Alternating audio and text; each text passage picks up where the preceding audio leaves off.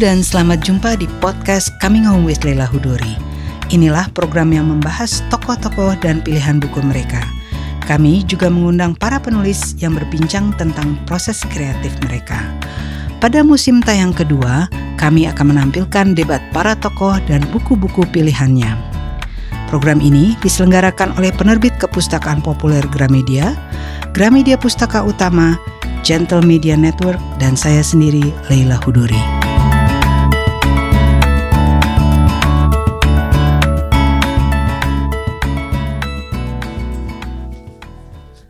Sekarang saya siap, kata Amy sambil menutup kopor itu dan mengeluarkan selai kertas dari kantongnya. Silahkan baca ini dan katakan apa yang baik dan tidak. Saya merasa perlu untuk membuatnya karena hidup begitu pendek dan saya tidak suka kalau ada perasaan tidak enak kalau saya meninggal. Lori menahan ketawanya dan sambil membalik mukanya sedikit dari Amy, ia membaca dokumen itu dengan amat sungguh-sungguh. Apalagi kalau diingat tulisannya seperti ini. Kehendak dan warisanku yang terakhir. Saya, Amy Curtis, masih dalam keadaan waras dengan ini memberikan dan meninggalkan semua kekayaan saya kepada yang tersebut di bawah sebagai berikut. Untuk ayah saya, lukisan-lukisan saya yang terbaik, sketsa-sketsa, peta-peta, dan semua karya seni termasuk bingkainya. Juga uang tabungan saya sebesar 100 dolar untuk dipergunakan sesuka hatinya. Untuk ibu saya, semua pakaian saya, kecuali yang biru dengan kantung-kantung, juga lukisan saya sendiri dan medali saya dengan banyak cinta. Untuk kakak saya yang tercinta Margaret, saya berikan cincin turkua saya, kalau saya dapat, juga kotak saya dengan gambar-gambar burung merpati di atasnya. Dan juga renda saya dan lukisan dari dia sendiri yang saya buat sebagai kenang-kenangan pada adiknya yang tercinta. Untuk Joe, saya wariskan bros saya yang sudah dibetulkan dan tempat tinta saya dari tembaga karena dia punya rusak dan juga pahatan saya yang merupakan kelinci yang manis karena saya menyesal membakar cerita-cerita pendeknya. Untuk Beth, kalau dia masih hidup, saya berikan semua boneka saya dan meja tulis saya, kipas saya, baju saya dan selop saya yang baru kalau pas baginya karena mungkin ia akan sangat kurus nanti. Dan juga saya mengucapkan maaf karena saya pernah mentertawakan boneka Joanna. Untuk kawan dan tetangga saya yang baik, Theodore Lawrence, saya serahkan map surat saya dan pahatan tanah liat saya yang merupakan kuda, walaupun ia berkata lehernya tidak ada. Dan juga sebagai terima kasih atas kebaikan hatinya di dalam masa sukar salah satu karya seni saya gereja Notre Dame yang paling bagus. Untuk Tuan Lawrence yang budiman, saya serahkan kotak saya yang ungu dengan kaca di atasnya yang baik untuk menyimpan peniti-peniti yang akan mengingatkan kepada gadis yang telah pergi yang sangat berterima kasih atas kebaikannya terhadap keluarganya terutama Beth. Untuk teman akrab saya Kitty Bryan, gaun saya yang biru dan cincin emas dengan cium nan mesra. Untuk Hannah, kotak topi saya dan semua pekerjaan tambalan yang belum selesai dengan pengharapan ia akan mengenangkan saya kalau melihatnya. Dan setelah menyerahkan semua kekayaan saya yang berarti saya mengharap semua akan merasa puas dan tidak menyesali yang sudah pergi. Saya memaafkan semua dan mudah-mudahan kita akan berjumpa di dunia yang baka. Surat warisan ini saya tanda tangani dan beri cap pada tanggal 20 November 1861 AD. Saksi-saksi Estelle Fellner, Theodore Lawrence, Amy Curtis March.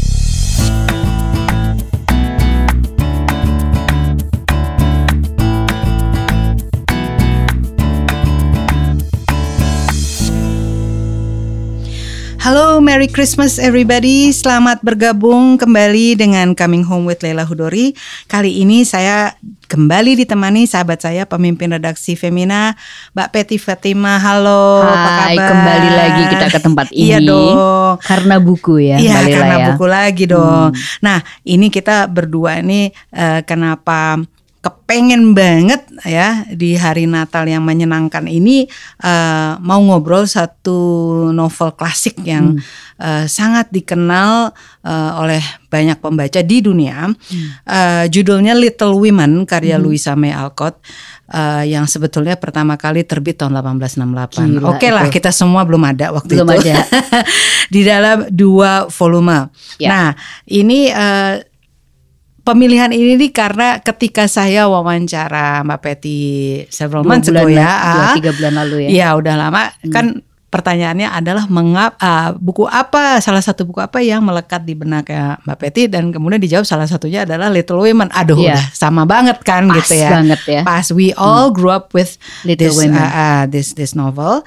Um, jadi saya pikir wah ini cocok banget hmm. karena uh, the first page of this novel itu membicarakan hari, hari Natal, Natal, ya kan. Oh. Nah, uh, sedikit saya mau mau sebelum kita dive into it, uh, saya mau uh, sampaikan kepada mereka mungkin ada aja ya yang belum baca ya karena yeah. namanya juga ini novel klasik, klasik. yang uh, uh, sebenarnya novel ini udah berkali-kali diadaptasi ke dalam film nanti kita omongin uh, adaptasi yang yeah. lama tetapi yang terbaru ya nanti kawan-kawan pendengar akan uh, ditayangkan di Indonesia juga. Tapi oh akhirnya tayang di Indonesia. Akhirnya ditayangkan. Kayaknya akhirnya berkat keributan kita itu waktu itu ya. Barangkali hmm. itu ditayangkannya masih baru Februari. Oke. Okay. Ah, bukan Natal. Kalau di Amerika sekarang sudah ya. Jadi Little Women disutradarai oleh Greta Gerwig. Ya uh, dan uh, pemain-pemainnya antara lain uh, itu saya susah nyebut namanya Saoirse Saoirse Ronan, Saoirse Ronan. Uh, susah banget bang uh, namanya susah dan namanya juga orang Irlandia kan. Uh, uh, kemudian juga ada Emma Watson, yeah. kemudian ada Meryl Streep yeah. dan ada Laura Dern ya salah satunya dan yang yang paling, paling bikin heboh ditunggu. adalah hmm. Timothy Chalamet Tuh. sebagai Laurie. Nah. Uh, ini udah empat kali ya di dibikin film di tahun 94 itu dulu pernah di apa dibuat oleh um, Winona Ryder ya Winona Ryder salah satu produsernya. Nah tapi nanti aja lah kita ngomongin filmnya kita membicarakan novelnya dulu. Oke, gimana Mbak Peti coba cerita kenapa novel ini menjadi salah satu yang uh, apa ya melekat di benak Mbak Peti? Sampai sekarang ya. Sampai Udah sekarang. berpuluh-puluh tahun nah, kan. Dan saya ingat semua karakternya kan. Iya. Hmm. Tadi sebelum kita ngobrol hmm. uh, kita chit chat dan hmm. dan saya sebenarnya berpikir luar biasa juga ya kita hmm. berdua ini hmm. uh, bacanya kapan kita benar-benar ingat sampai ke yang kecil-kecilnya gitu ya luar biasa. Uh, jadi kayak cerita saya sebelumnya, saya tuh hmm. baca novel Little Women ini uh, mungkin waktu saya kelas 5 atau 6 SD hmm. gitu ya. Dan itu artinya uh, di akhir era 70-an. Oke. Okay. Uh, hampir 80-an 70-an lah. Uh. Uh, dan saya ngerasa waktu itu sebenarnya saya belum terlalu ngerti secara detail ini tuh isinya gimana, hmm, apa gitu okay. ya. Hmm. Kan Little Women tuh sebenarnya sangat dalam ya, gitu yeah, tentang yeah. growing pains sebuah keluarga dengan empat anak perempuannya ini. Yeah. Tetapi dan saat itu saya bacanya versi bahasa Indonesia, tapi uh -huh. saya lagi mikir-mikir sepertinya bukan buku yang di depan saya ini. Uh. Um, ini sekedar uh, harus menjelaskan nama pembaca yeah. yang tidak melihat secara visual. visual di depan ya. kami ini ada dua dua buku. macam buku. Ya. Yang satu yang aslinya yang diterbitkan berkali-kali tentu saja Little Women, Little Women. Uh, dan banyak penerbit menerbitkan menerbitkan uh, versi asli ini karena sudah public domain mm -hmm. ya mm-hmm. termasuk Gramedia Pustaka Utama juga menerbitkan yeah. aslinya 400 uh, eh, ada ada yang 700 halaman, ada yang yeah. 500 itu mm. tergantung ada pengantar apa enggak. Kemudian yang satu lagi yang tadi Mbak Peti sebut yeah. di depan ini ini sebenarnya terjemahan pertama di Indonesia yang berjudul Putri Remaja ya. diterjemahkan oleh Ibu Gadis Rasid almarhum eh, jurnalis uh, ya ibu Iya jurnalis, jurnalis yang namanya juga disebut-sebut oleh jurnalis uh, disebut-sebut oleh Hairil Anwar di dalam Betul. puisinya. Uh -huh. uh, ini diterbitan 1962 dan oh saya masih God. ada bukunya. Nah, nah itu ini, keren banget bukunya. Jadi harusnya Mbak Lila ini mempreserve buku ini ditaruh di mana gitu museum ya. ya. Di museum atau di mana gitu. Tapi uh. Uh, apa namanya saya juga membaca pertama kali ketika saya SD itu dalam versi bahasa Indonesia. Hmm. Nah, saya semakin saya ini kan pembaca buku seperti diceritain ya Hmm, kembali hmm, lah. Jadi eh, saya membaca berulang-ulang sampai saya masuk ke SMP, lalu saya semakin lama semakin suka sama buku ini. Ya. Dan karena mungkin udah lebih mengerti gitu, jadi saya ngelihatnya buku ini bagus sekali. Hmm. Kenapa sangat melekat? Buat saya satu, buku ini sangat deskriptif. Eh, saya suka sekali cerita yang deskriptif Mm-mm. sehingga imajinasi saya tuh liar ke mana-mana gitu. Jadi eh, keadaan rumahnya seperti apa, kalau mereka main berempat di eh, apa di attic itu atau di eh, loteng itu seperti apa, eh, apa namanya ibunya tuh seperti apa, karakter mereka masing-masing seperti apa gitu. Jadi saya merasa itu yang barangkali membuat eh, buku ini terus-menerus saya ingat. Hmm.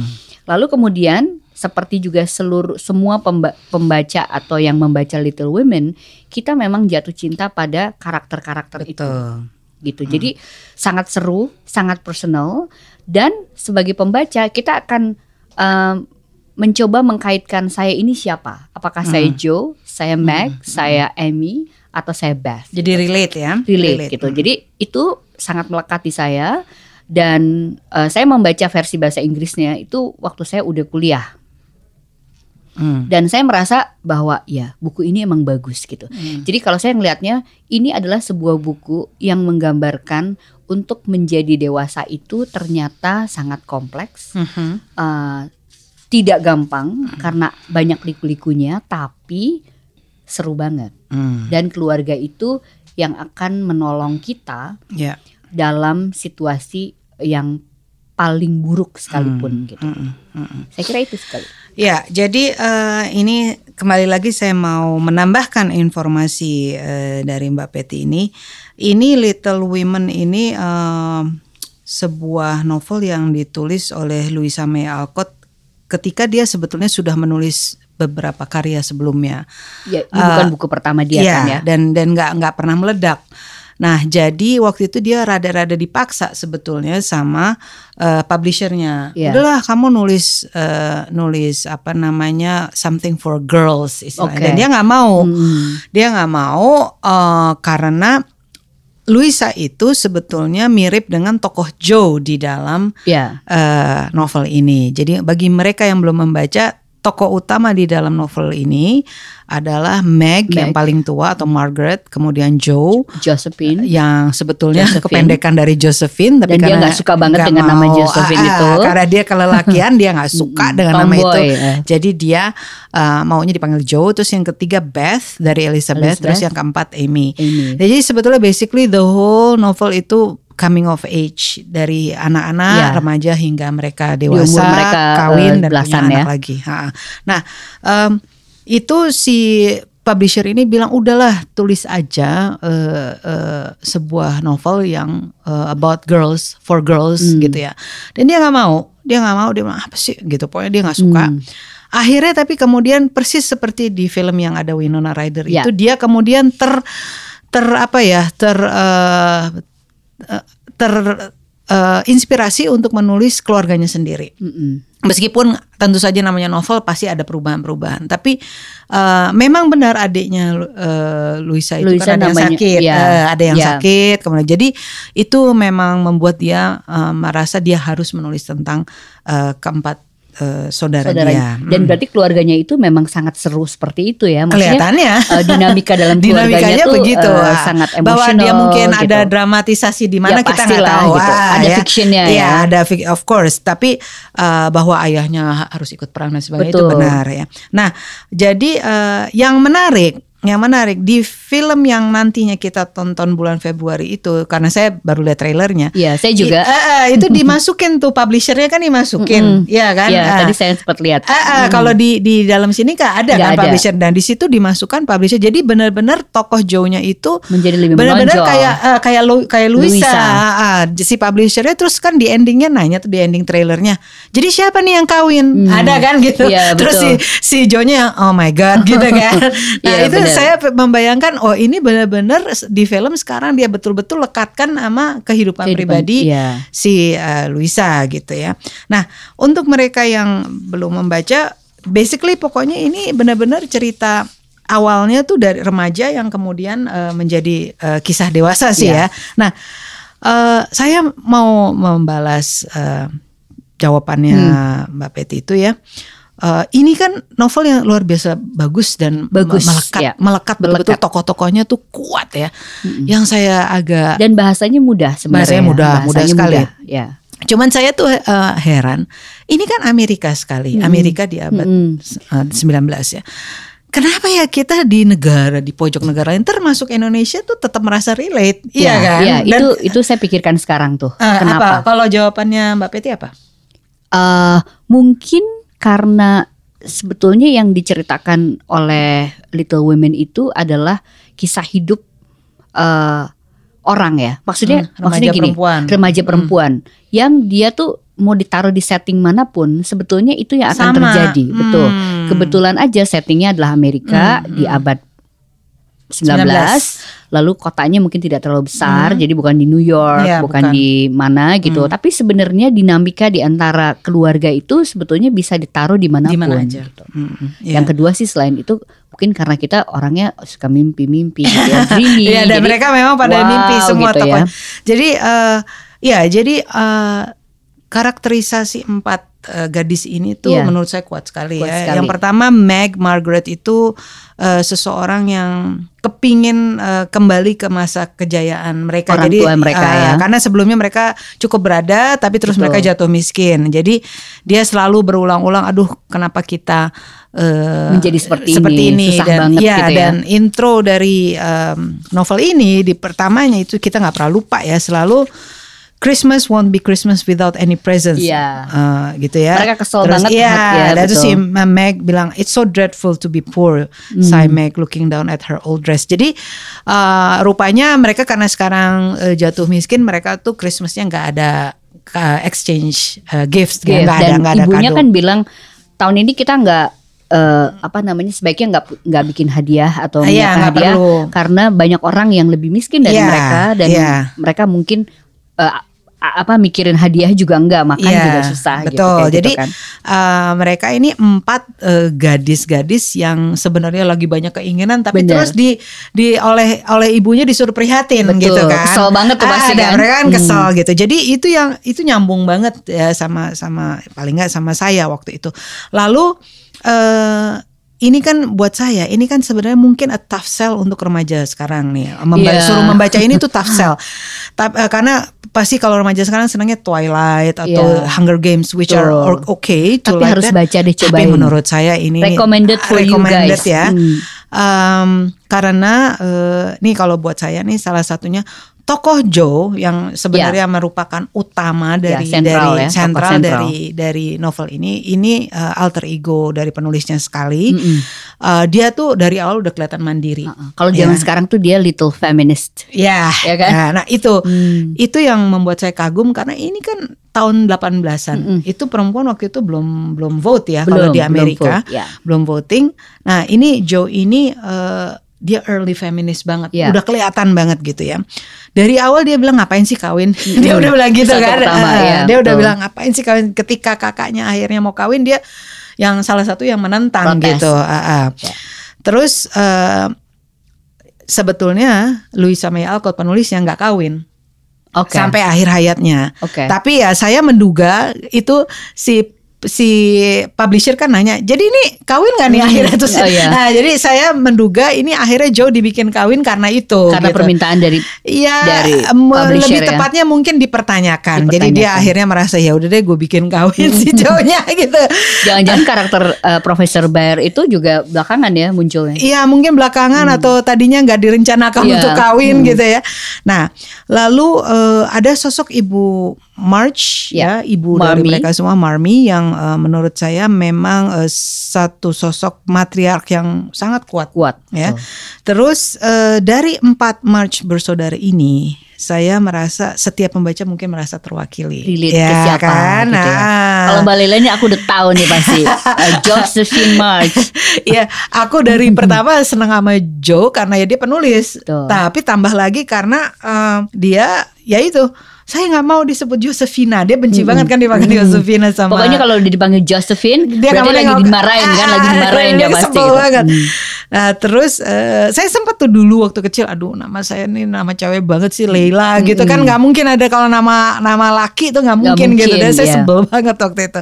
Dan saya baca apa sih eh, lima sekawan ada Oke. juga tokoh yang kayak gitu. Ya betul, betul. Si Lima sekatan. Saya lupa. Georgina. Georgina ya. Maunya dipanggilnya George. George. Ya, gitu. Jadi saya pikir oh, ini ini kayak gue banget nih gitu. Terus eh saya senangnya novel ini tuh eh, another thing yang sangat eh, unik. Mereka memperlihat dia nih si Luisa memperlihatkan laki dan perempuan gak harus romance. Ya, Jadi bisa kawan. Lori dan Joe. Ah, ah, Lori dan Joe. brosis aja brosis. Ah, ah, ya brosis dan, Mm-mm. dan juga eh, sama tem sama yang lain-lain kan dia, Iya, dia betul. berkawan gitu meskipun Sangat modern hubungan eh, Exactly. apa nah sosialnya ya. Ya, Tuh. jadi jadi mereka berkawan meskipun pada akhirnya jatuh Naksir cinta sih, juga, ya, gitu ya. Tapi uh, saya senang at the beginning. Uh, when they talk about Lori itu benar-benar it's like a yeah, friends, the, the, uh, the, the boy next friend. door Atau gitu. kak- apa dia bilang mereka bilang ini um, uh, my big brothers gitu ya kakak. Jadi laki-laki. aku senang sekali dengan eh, ke unik uniknya itu.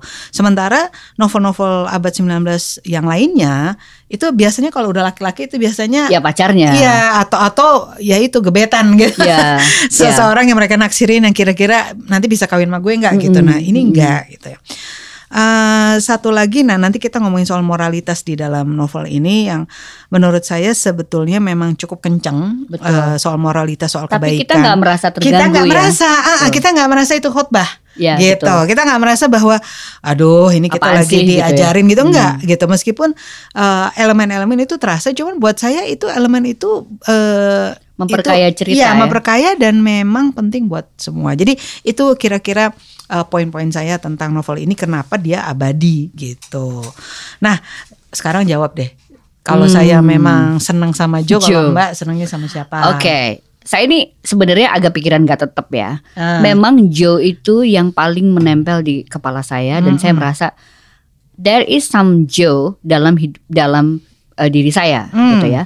Tetapi eh, kalau mau jujur, saya sebetulnya merasa eh, sosok ideal saya ketika, ketika kita baca buku kan kita membayangkan dia tuh siapa, saya saya tuh siapa di dalam buku itu ya. Hmm. Saya merasa sosok saya itu sebenarnya yang ideal itu gabungan antara Joe, Mm-mm. Beth, Mm-mm. dan Amy.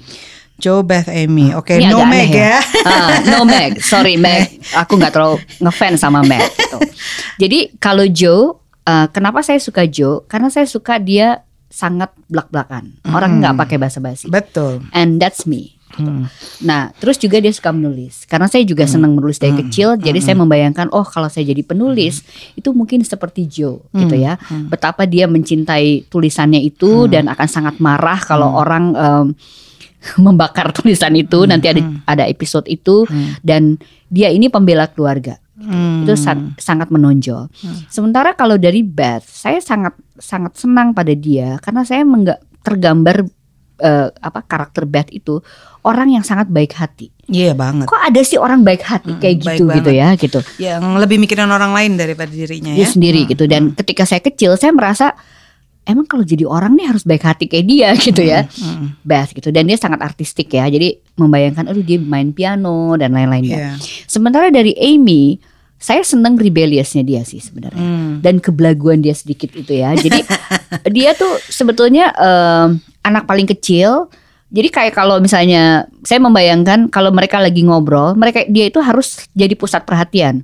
Sementara semua orang lagi ngomong sama Joe gitu. Jadi dia Iya. kayak loncat-loncat, gue lihat gue dong, lihat gue Iya, dong gitu iya, kan. Dia begitu. Iya gitu. Jadi rebelliousnya itu sebenarnya sangat apa ya, sangat berkesan buat saya gitu. Hmm. Bahwa eh, orang tuh bisa macam-macam karakter dan dia tetap anak yang baik gitu. Hmm, Jadi iya. ya itu. Jadi Joe, em, Beth dan Amy Amy. dan Beth. Kalau Meg kenapa? Kenapa Meg nggak nggak nyambung? eh, mu- saya merasa apakah ketika saya membaca pertama kali buku itu saya masih terlalu kecil, Hmm. tapi ketika saya ulang kesan itu nggak hilang. Hmm.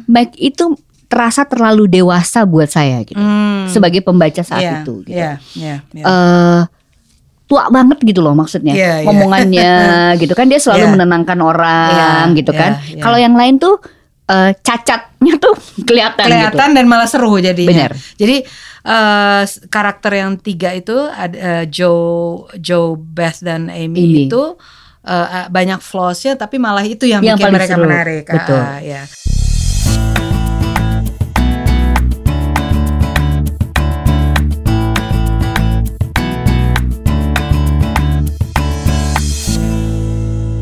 Oke, ini em, akan ada spoiler, tapi eh, karena saya yakin mungkin banyak juga ya pembaca pen- pendengar yang belum membaca. Jadi Iya. kalau tidak mau spoiler, silahkan di pause dulu bagian ini karena kita mau nggak mau harus membicarakan ini, ya.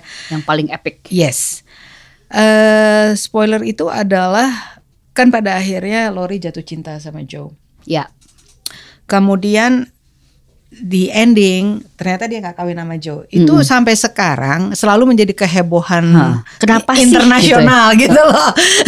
menjadi kehebohan. Why not gitu. Meskipun kita juga setuju dengan kata-kata Joe bahwa kalau kamu kawin sama saya, kita pasti Terlalu sama. terlalu sama dan terlalu keras kepala dan sama-sama apa namanya sama-sama panasan gitu lah Iya. sama-sama Temperamental. temperamental dan mungkin dalam waktu beberapa bulan langsung cerai gitu. Iya. And I think that's true karena mereka sering banget kan berantem Betul. gitu. Sebagai kawan aja mereka udah sering berantem.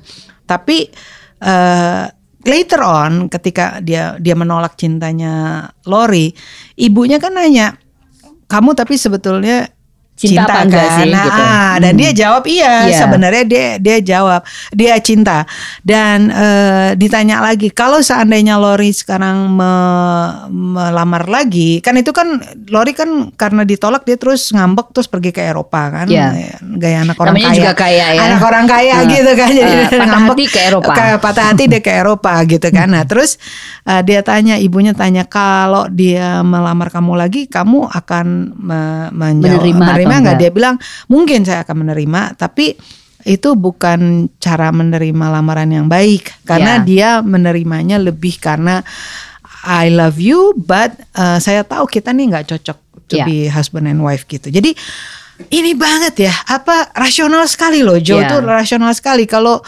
kalau zaman sekarang kan kita kalau misalnya emang cinta udah nggak mikirin lagi tuh cocok enggak apa enggak ya udah cinta gitu. Ya. nanti cinta akan mengatasi gitu padahal enggak mungkin iya. Mungkin karena karena karakternya si Joe ini ya kalau karakter penulisnya sebetulnya dia tuh kan segala dipikirin ya. Ya sangat sangat, kan ya. gitu. Jadi barangkali itu juga terefleksi ketika dia eh, harus memberikan satu satu apa ya kesimpulan Mm-mm. dari hubungan dia sama Lori itu Hmm, hmm, betul.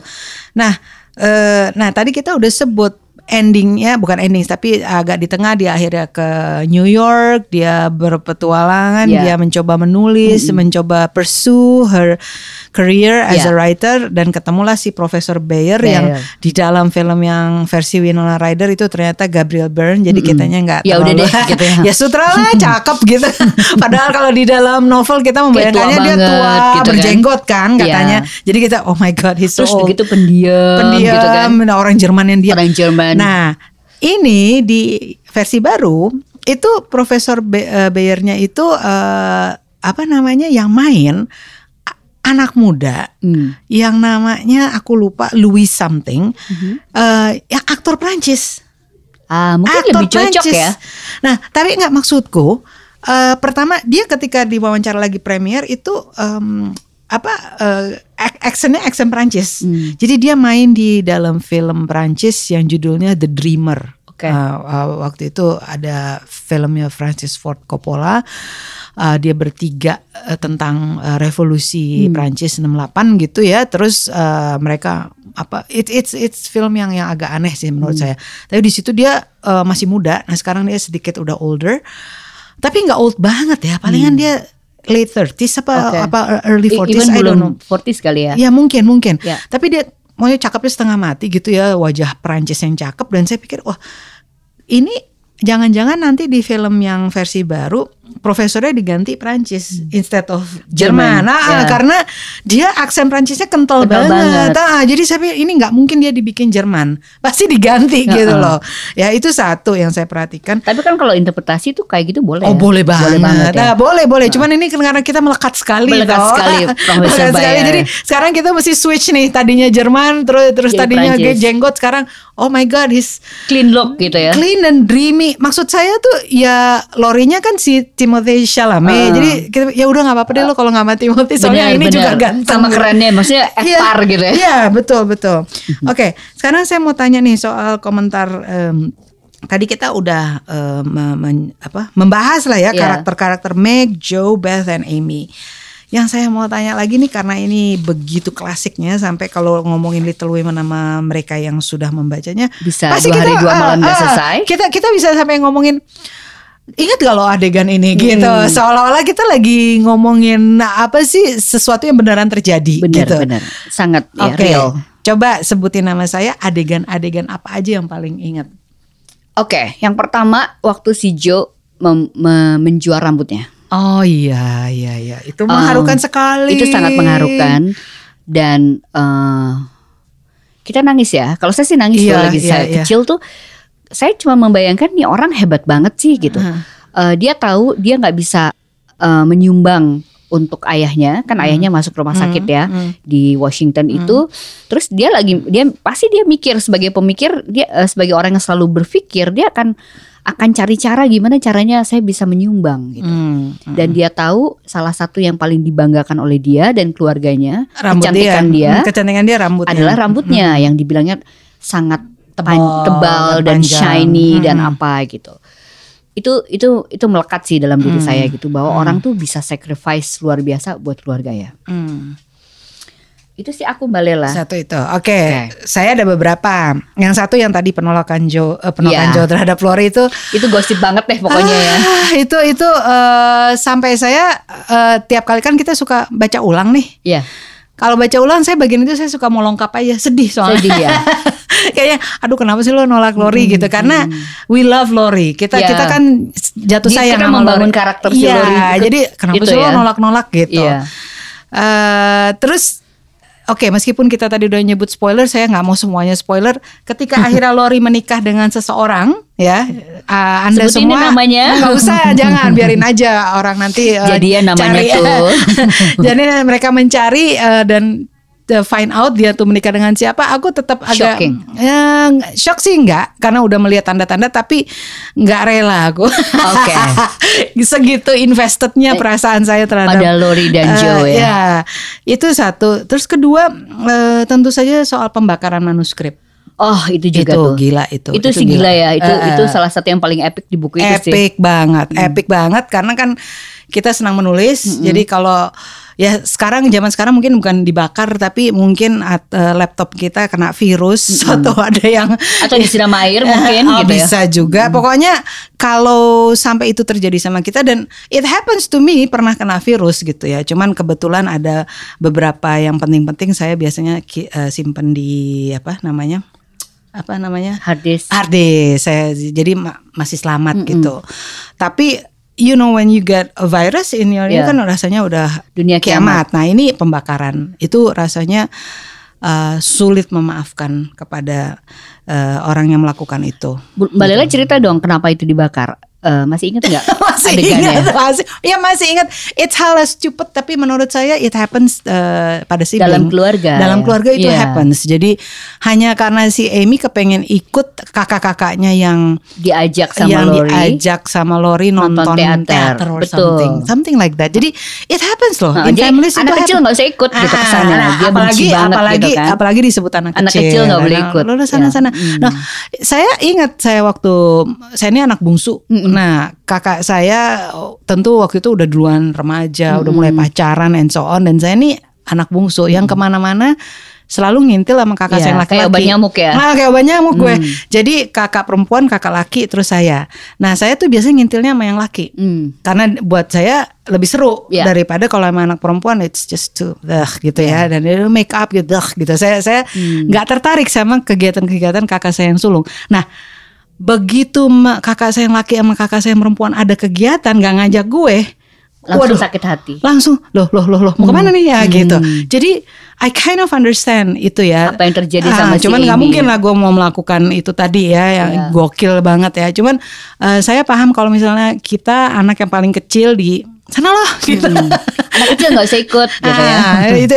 Nah jadi eh, itu memang real sekali yang ditulis oleh Luisa tuh real sekali dinamika sibling gitu Iya, ya. sibling. Adik kakak itu luar biasa. Ah, terus tentu saja eh, nasib Beth ya. Nasib Beth itu Iya. buat saya itu sedih sekali. Sedih. Apalagi ya. waktu dia meninggal ya. Ya, ya jadi nasib Beth itu sedih. Kemudian eh, Cuman kalau Beth itu aku nggak tahu ya Mbak Lila rasanya gimana. Kalau saya tuh saya memang sedih banget ketika eh, Beth itu meninggal ya. Hmm. Apalagi Beth ini kan digambarkan itu sangat apa ya, sangat fragile, Hmm. anaknya baik hati Hmm. dan yang paling vivid di kepala saya adalah dia itu temannya boneka. Dia Iya. punya banyak sekali Bonekanya boneka dan banyak. dikasih nama Ah, ah, dan betul. ceritanya gitu dan kan. boneka-boneka bekas kakak adiknya semua dia kumpulin. kumpulin Ah, ya gitu. Pokoknya yang- dia kayak mengadopsi semua Iya, boneka-boneka betul, itu gitu. betul. Tapi saya saya semakin berkesan ketika nonton filmnya. Jadi Daripada adegan, di novel. Betul. Jadi adegan di filmnya Winona Ryder Hmm. itu yang tahun 1994 Hmm.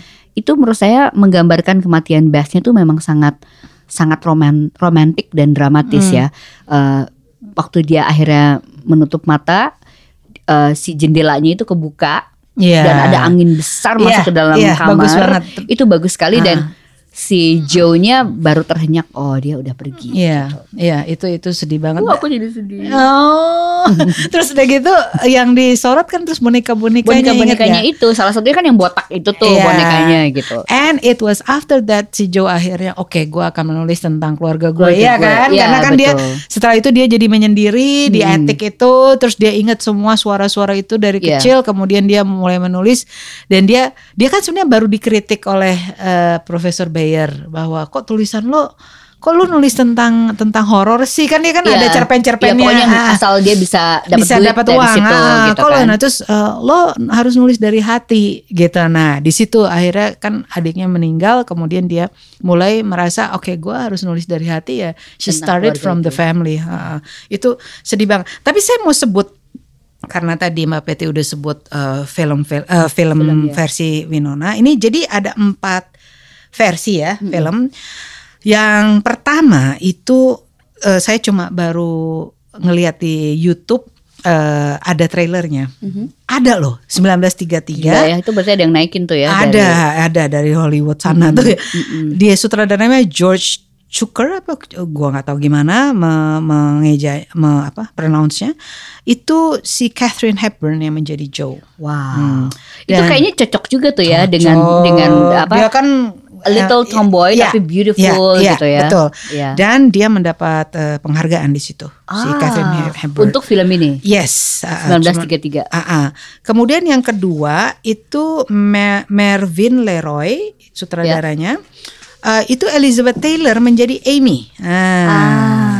Kebayang itu juga. Oh, kebayang banget. Kebayang Cantik banget cantik itu. banget kan. Cuma eh, Amy itu kalau di novel dia blonde seharusnya. Ya blonde Ah, betul. ah. tapi Elizabeth Taylor kan hitam ya hitam, tapi saya ya. nggak tahu apakah dicat Di- atau ya, gimana, saya nggak tahu. Lalu yang ketiga yang kita tadi bicarakan 1994 Gillian Strong, Winona Ryder yang sebagai Joe. Ini semua Claire terkenal Danes, nih Claire ya. Danes sebagai Beth, Beth, Kirsten Kirsten Dunst Dunst sebagai Amy, terus Christian Christian, Bale, Bale si Batman Laurie. menjadi Laurie, Mm-mm. terus Susan Susan Sarandon sebagai Marmy. Gitu.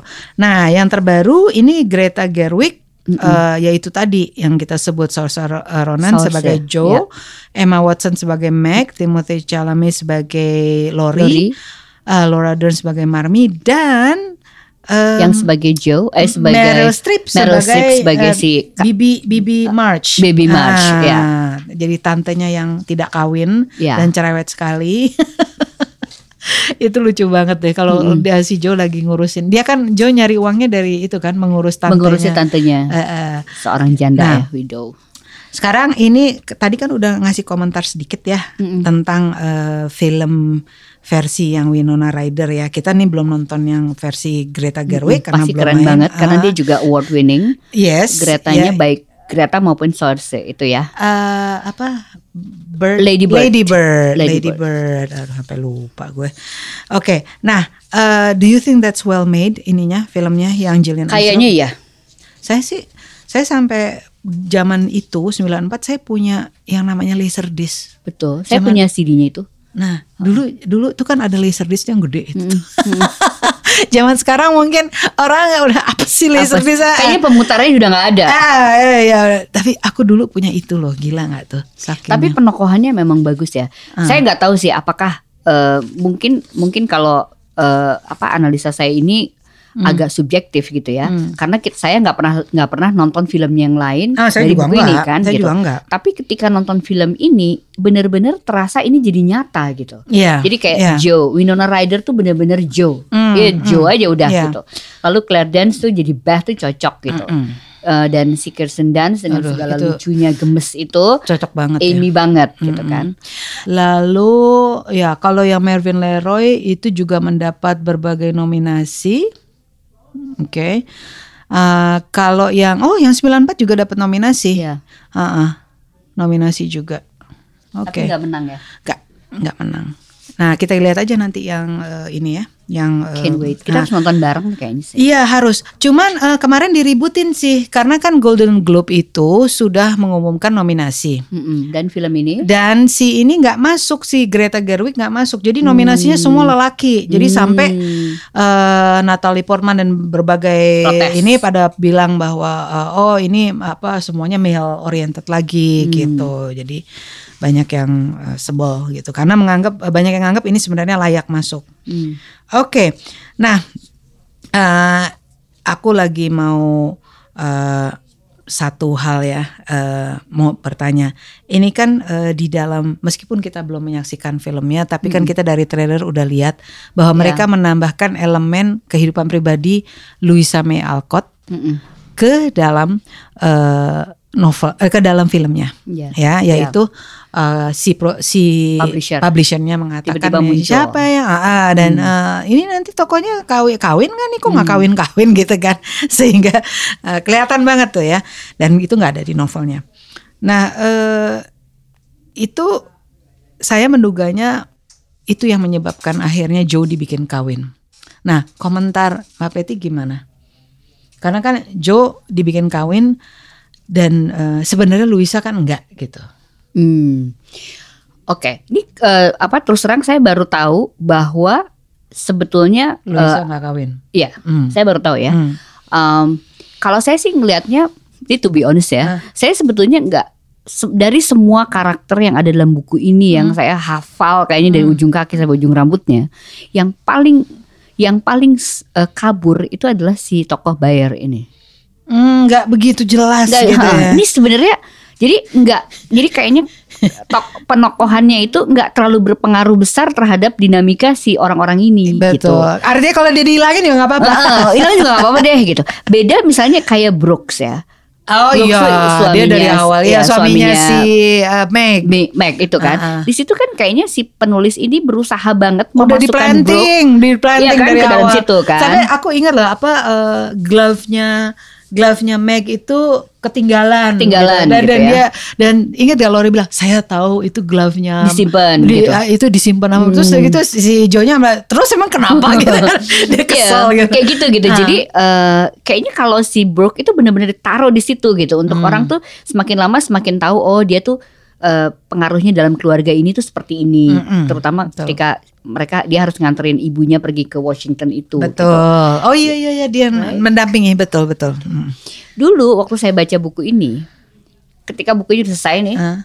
eh, sebagai pembaca saya mikirnya gini, ini mungkin nggak ya ada terusannya? Terus Joe itu ketemu lagi Lori. kan Lorinya udah kawin. Iya, tapi maksudnya gimana deh caranya pokoknya eh, mereka kembali gitu. Jadi tetap Profesor Bayer itu nggak ada. nggak ada. Hmm. Gitu. Nggak tahu menurut aku. Aku tuh aku setuju banget bahwa Profesor Bayer itu kelihatan banget memang satu Tambah-tambahin. tambahan, di tambahan. Jadi makanya itu menjawab ketika ketika di trailer film yang terbaru Ya. si publisher itu dimunculin beberapa kali kan bahwa oke please make a uh, a novel about girls gitu and then terus pas dia udah balik dengan novelnya si publishernya bilang so who's gonna get married here gitu kan jadi pokoknya harus kawin endingnya gitu kan dan si wajahnya si Joe-nya yang agak oh my god gitu. Nah, saya terus jadi menangkap ya karena mm, di dalam eh, biografi dia dia tidak kawin Ya. endingnya. Jadi dia eh, meninggal dia tetap single. Nah, eh, sebenarnya penulis perempuan di zaman itu banyak yang Ya. eh, nggak kawin Ya. gitu yang karena mereka so independen jadi setiap ketemu lelaki yang menarik pun mereka merasa oh my god kayaknya kok gue lebih strong dari dia ya Betul, Kayak jadi nggak pernah ketemu lelaki yang cukup bisa uh, menarik mereka untuk uh, dikawinin gitu ya nah jadi uh, saya terus terang merasa ini memang uh, tambahan karena keinginan keinginan publisher. Publisher. dan itu hal yang biasa, di Biasa. masa itu hal yang biasa Dan banget kayaknya tuh eh, apa namanya memang saat itu si publishernya juga udah berpikir komersial. Kalau ya kan kalau ada kalau si tokoh utama ini kawin pasti pembaca akan lebih senang akan gitu lebih kan. ah, dan yang lain-lain kan pada kawin masa ini Bener. enggak gitu Iya. kan nah, nah Iya. itu satu kedua saya jadi teringat eh, saya akan eh, sedikit belok ya meskipun sama-sama 19th century Charles Dickens itu kan 19th century Iya. tapi dia British dia juga begitu jadi eh, novel dia yang Great Expectation endingnya itu sebetulnya tokoh utamanya si Pip Ya. sama eh, cewek pujaannya si Estella itu sebenarnya nggak nggak akhirnya nggak kawin nggak Hmm. nggak apa namanya nggak eh, bukannya harus kawin tapi nggak saling mencintai lah pokoknya lo ke sana gue ke Gua sini ke sini, Ah, gitu. ending aslinya gitu terus of course penerbitnya aduh ah, nggak Hmm. nggak usah sampai ada adegan kawin tapi minimal they they declare love to each other Hmm. bla bla bla jadi ini menarik karena saya ada di kelas eh, Inggris eh, waktu saya ngambil mata kuliah Inggris itu di kalau beli Great Expectation yang zaman sekarang itu eh, ending yang eh, versi Charles Asli. Dickens dan Nah. versi publisher, Publisher itu ada itu? dua-duanya. Oh wow. Ya dua-duanya ditulis Charles Dickens, Ya. cuman yang satu itu atas tekanan ah, Perintah. bahwa bikin. Hmm. Jadi yang yang yang yang aslinya ya itu gitu, mereka bertemu endingnya tapi eh, si Pipnya merasa tokoh utamanya itu merasa udahlah lu kelas tinggi, lu snob, udahlah kita beda gitu. Ya. Meskipun they love each other tapi dia nggak tahan dengan snobishnya si Estella. Sementara kalau di yang versi itu mereka akhirnya oh ya gue udah ah, I love you lalala terus udah gitu mereka sama-sama melihat bulan udah endingnya gitu. Yang kita semua di kelas waktu itu gitu karena kerasa itu dipaksa. Dipaksakan. Mm-mm. Nah, jadi eh, makanya saya merasa ini emang hal yang biasa di masa itu dipaksain bahwa udahlah ini kan mau happy happy gitu ya kan kita kasihlah dia suami. Iya benar.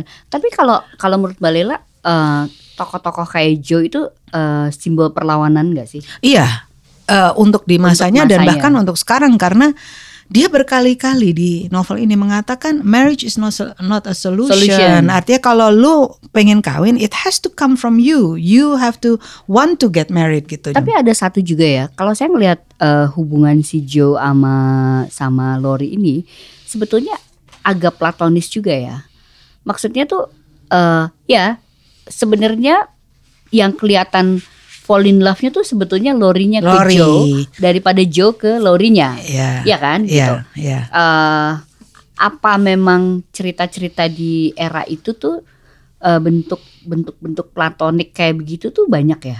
Maksudnya sesuatu yang tren gitu. Hmm, sebenarnya eh, kalau ngelihat Jane Austen ya abad 19 Iya. Jane, eh, cerita-cerita Itu Jane kan Austen eh, ya iya, ampun, iya. gitu. Ya, tapi terus nanti endingnya kawin. Kawin. Kalau cerita-cerita Jane Austen itu kan selalu persoalan suitor, harus Iya. mencari jodoh gitu Iya. kan. Mencari jodoh. Tapi eh, tokoh-tokoh perempuannya Jane Austen tuh selalu eh, apa stand up gitu Betul. bahwa gua nggak mau Kuat, suternya lo, gue maunya suter yang gue pilih sendiri. Sementara kan di zaman itu kan agak kayak dijodohin Iya, gitu loh. iya. Nah, eh, jadi eh, menurut saya ya platonik itu eh, ada, pasti ada. Cuman problemnya kan adalah orang tua atau tante, om di sekelilingnya kayak kita juga di sini gitu ya. Itu eh, Memaksakan itu untuk terjadi. memaksakan eh, Ya. bahwa apakah cocok apa enggak bodo amat pokoknya oh ini ini oke nih ini nih shooter gitu kan Ya. Udah, kawin aja gitu jadi kayaknya dari di zaman dulu sampai sekarang tuh hal seperti itu terjadi Sama. meskipun caranya sekarang lebih lebih modern ya Mm-mm. nah eh, ini saya nih eh, kepengen tahu ya eh, selain apa namanya kan kita nih selalu ada pertanyaan wajib Ya. selain Little Women eh, Mbak Peti buku-buku apa lagi Waktu lagi kecil. Iya Oke. Eh sebenarnya Gak selain harus waktu kecil Iya. aja, remaja juga boleh. waktu lagi remaja ya. Hmm. Eh, Lima Sekawan itu buku yang juga berkesan buat saya. Udah pasti ya. Hmm, Kayaknya semua anak remaja di seluruh dunia pasti eh, membaca Lima Sekawan itu. Jadi waktu saya udah gede dan eh, Inggris itu me- membuat satu kayak apa ya peringatan untuk eh, film ini. Eh untuk film, untuk buku ini, saya kebetulan lagi ada di London tuh. Jadi Oh. seluruh London itu eh, bersolek untuk lima sekawan itu. Itu itu pengalaman yang yang sangat berkesan buat Wow. saya ya gitu. Um, Jadi Annette Blyton ya.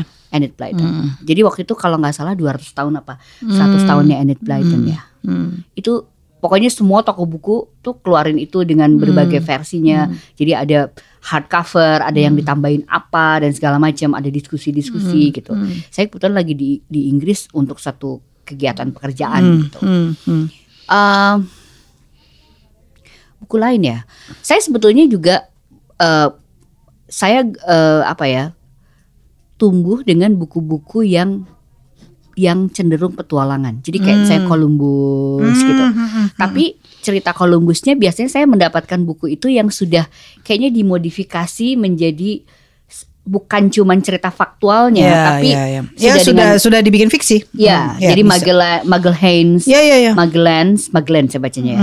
Um, apa namanya Columbus Hmm, gitu. hmm, hmm. Jadi eh, apa namanya cerita biografi tapi yang kemudian dibikin fiction gitu. Iya, Buku-bukunya. Jane Austen saya juga baca. Hmm. Kayaknya hampir semuanya ya. Ya, ya itu memang uh, Jane Austen uh, Itu juga klasik kan. sangat klasik itu abad 19 yang benar-benar membuat satu garis. Artinya orang yang belajar sastra Inggris kan harus baca itu tuh biasanya. Harus ya. Iya harus karena Oke. uh, itu satu masa di mana uh, ya she's trying to say something bahwa perempuan tuh bukan hanya untuk dikawinin aja gitu, bukan mesin gitu ya.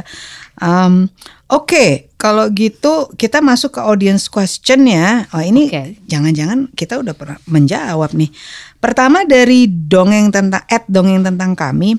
Siapakah Mbak Peti dan Mbak Lela versi tokoh dalam Little Women? Ya tadi Oh, sudah di- dijelaskan. Kalau Mbak Lila bilang saya Joe. Eh, kalau saya pikiran nggak tetap. Saya tuh mungkin Joe tambah Best dikit, tambah Amy sedikit. Ah, iya. Saya Tapi udah jauh seorang. Gue jauh seorang. Joe seorang. Bahkan sampai kalau saya bikin cerita-cerita itu eh ini di Laut Bercerita Iya, novel saya yang iya. ter- ter- terakhir nggak terbaru ya karena udah lama banget 2017. Cuman eh itu satu tokohnya namanya Kinan. Hmm. Itu dia bilang bahwa gue ini kayak Joe Hmm. eh, di dalam Little Women sama seperti eh, Georgina di Georgina dalam di dalam eh, ya di dalam Lima Sekawan. Lima kawan. Karena dia namanya sebetulnya Kinanti. Tapi dia nggak mau dipanggil Kinanti. Kinan, Dia maunya ya. dipanggil Kinan karena Kinan bisa laki bisa perempuan kan gitu. Jadi gue kayak Joe dan seperti dan kayak itu. Jadi kadang-kadang saya suka ya. menggunakan referensi itu. Oke, pertanyaan yang kedua at justin dot eh, he h i. Apa mimpi Joe untuk mandiri dan tidak bergantung pada laki-laki itu tidak realistis mengingat ending dalam novel. Ah itu juga barusan Ya, kita omongin ya. ya. ha. Kalau saya saya sih tetap aja. Pokoknya Profesor Bayer itu eh, abu-abu. Hmm. Maksudnya jauh gitu ya. Artinya kalau nggak ada juga nggak apa-apa. Kalau ada Iya. juga ya oke deh. sebagai sebagai apa? Sebagai pembaca eh, fanatik sih saya tetap tetap merasa bahwa harusnya Joe tuh kawinnya sama Lori. Titik. Iya, Ya saya kan? ya kita, saya juga maunya begitu, Iya tapi kan? tapi we cannot do anything ya. Tapi hebat juga ya. Maksudnya kalau dipikir-pikir sekarang, ketika dia membuat novel ini si Louisa, Louisa May Alcott itu, eh dia tetap dengan pendiriannya. Pokoknya tokoh ini dua-dua nggak boleh Nggak bisa kawin. nggak bisa kawin karena mereka terlalu sama itu Iya, kan. Jadi iya. kayak brosis itu tadi Iya, gitu. iya. Keren, keren. uh, the other thing is um, ini nih soal tadi Profesor Bayer. Ini kan ada terusannya.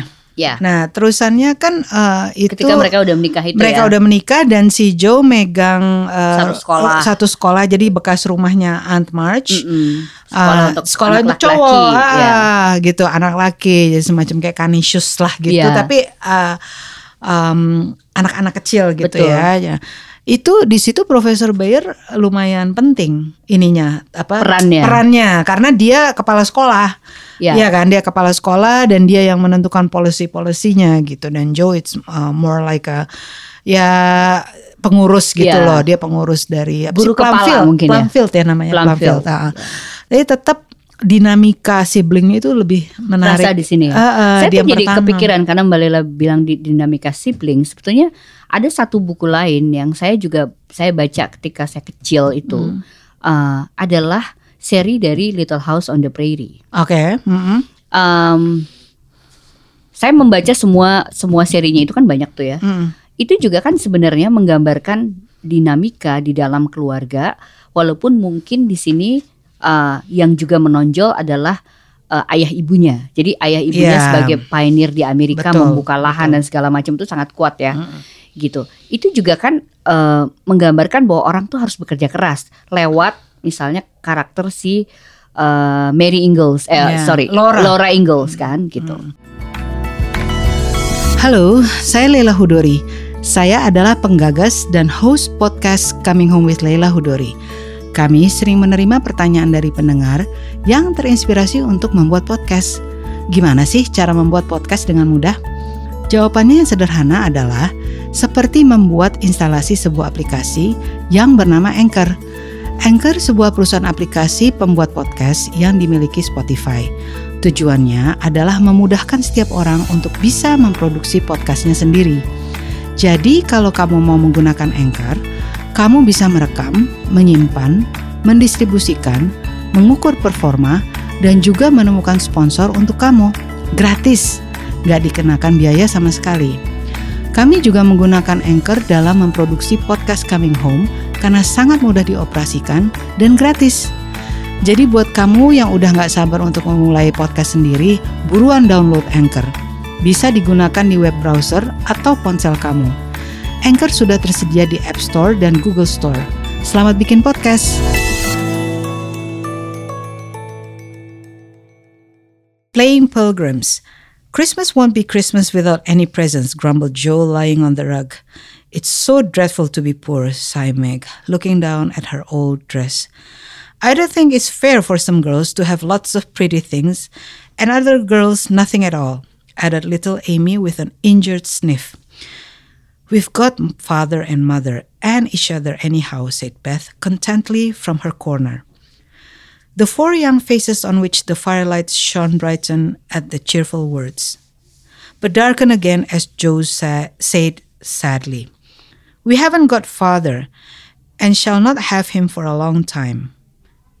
She didn't say perhaps never, but each silently added it, thinking of father far away where the fighting was. Nobody spoke for a minute. Then Meg said in an altered tone, You know, the reason mother proposed not having any present this Christmas was because it's going to be a hard winter for everyone, and she thinks we ought not to spend money for pleasure when our men are suffering so in the army. We can't do much, but we can make our little sacrifices and ought to do it to gladly. But I'm afraid I don't. And Meg shook her head, and she thought regretfully of all the pretty things she wanted. Oke, terima kasih banget ya Mbak Sama-sama. Preti. Aduh, saya senang banget ini bisa um, berbicara satu novel yang udah lama. Our ya. favorites Uh, ya. Our favorite. Uh, dan untuk yang mendengarkan, uh, semoga nantinya yang belum membaca bisa mencari karena ini layak banget ya untuk Layak dibaca. Uh, dan kepada yang merayakan Natal, Selamat hari Natal. Merry Christmas, Merry selamat Christmas. Natal dan juga selamat tahun baru uh, lima- 2020. 2020. Dekade baru loh. Yes. Wow. Bye bye. Bye bye. Terima kasih sudah mampir mendengarkan diskusi podcast kami. Jangan lupa tekan tombol subscribe atau follow di mana pun Anda mendengarkan program ini. Sampai jumpa Rebu depan.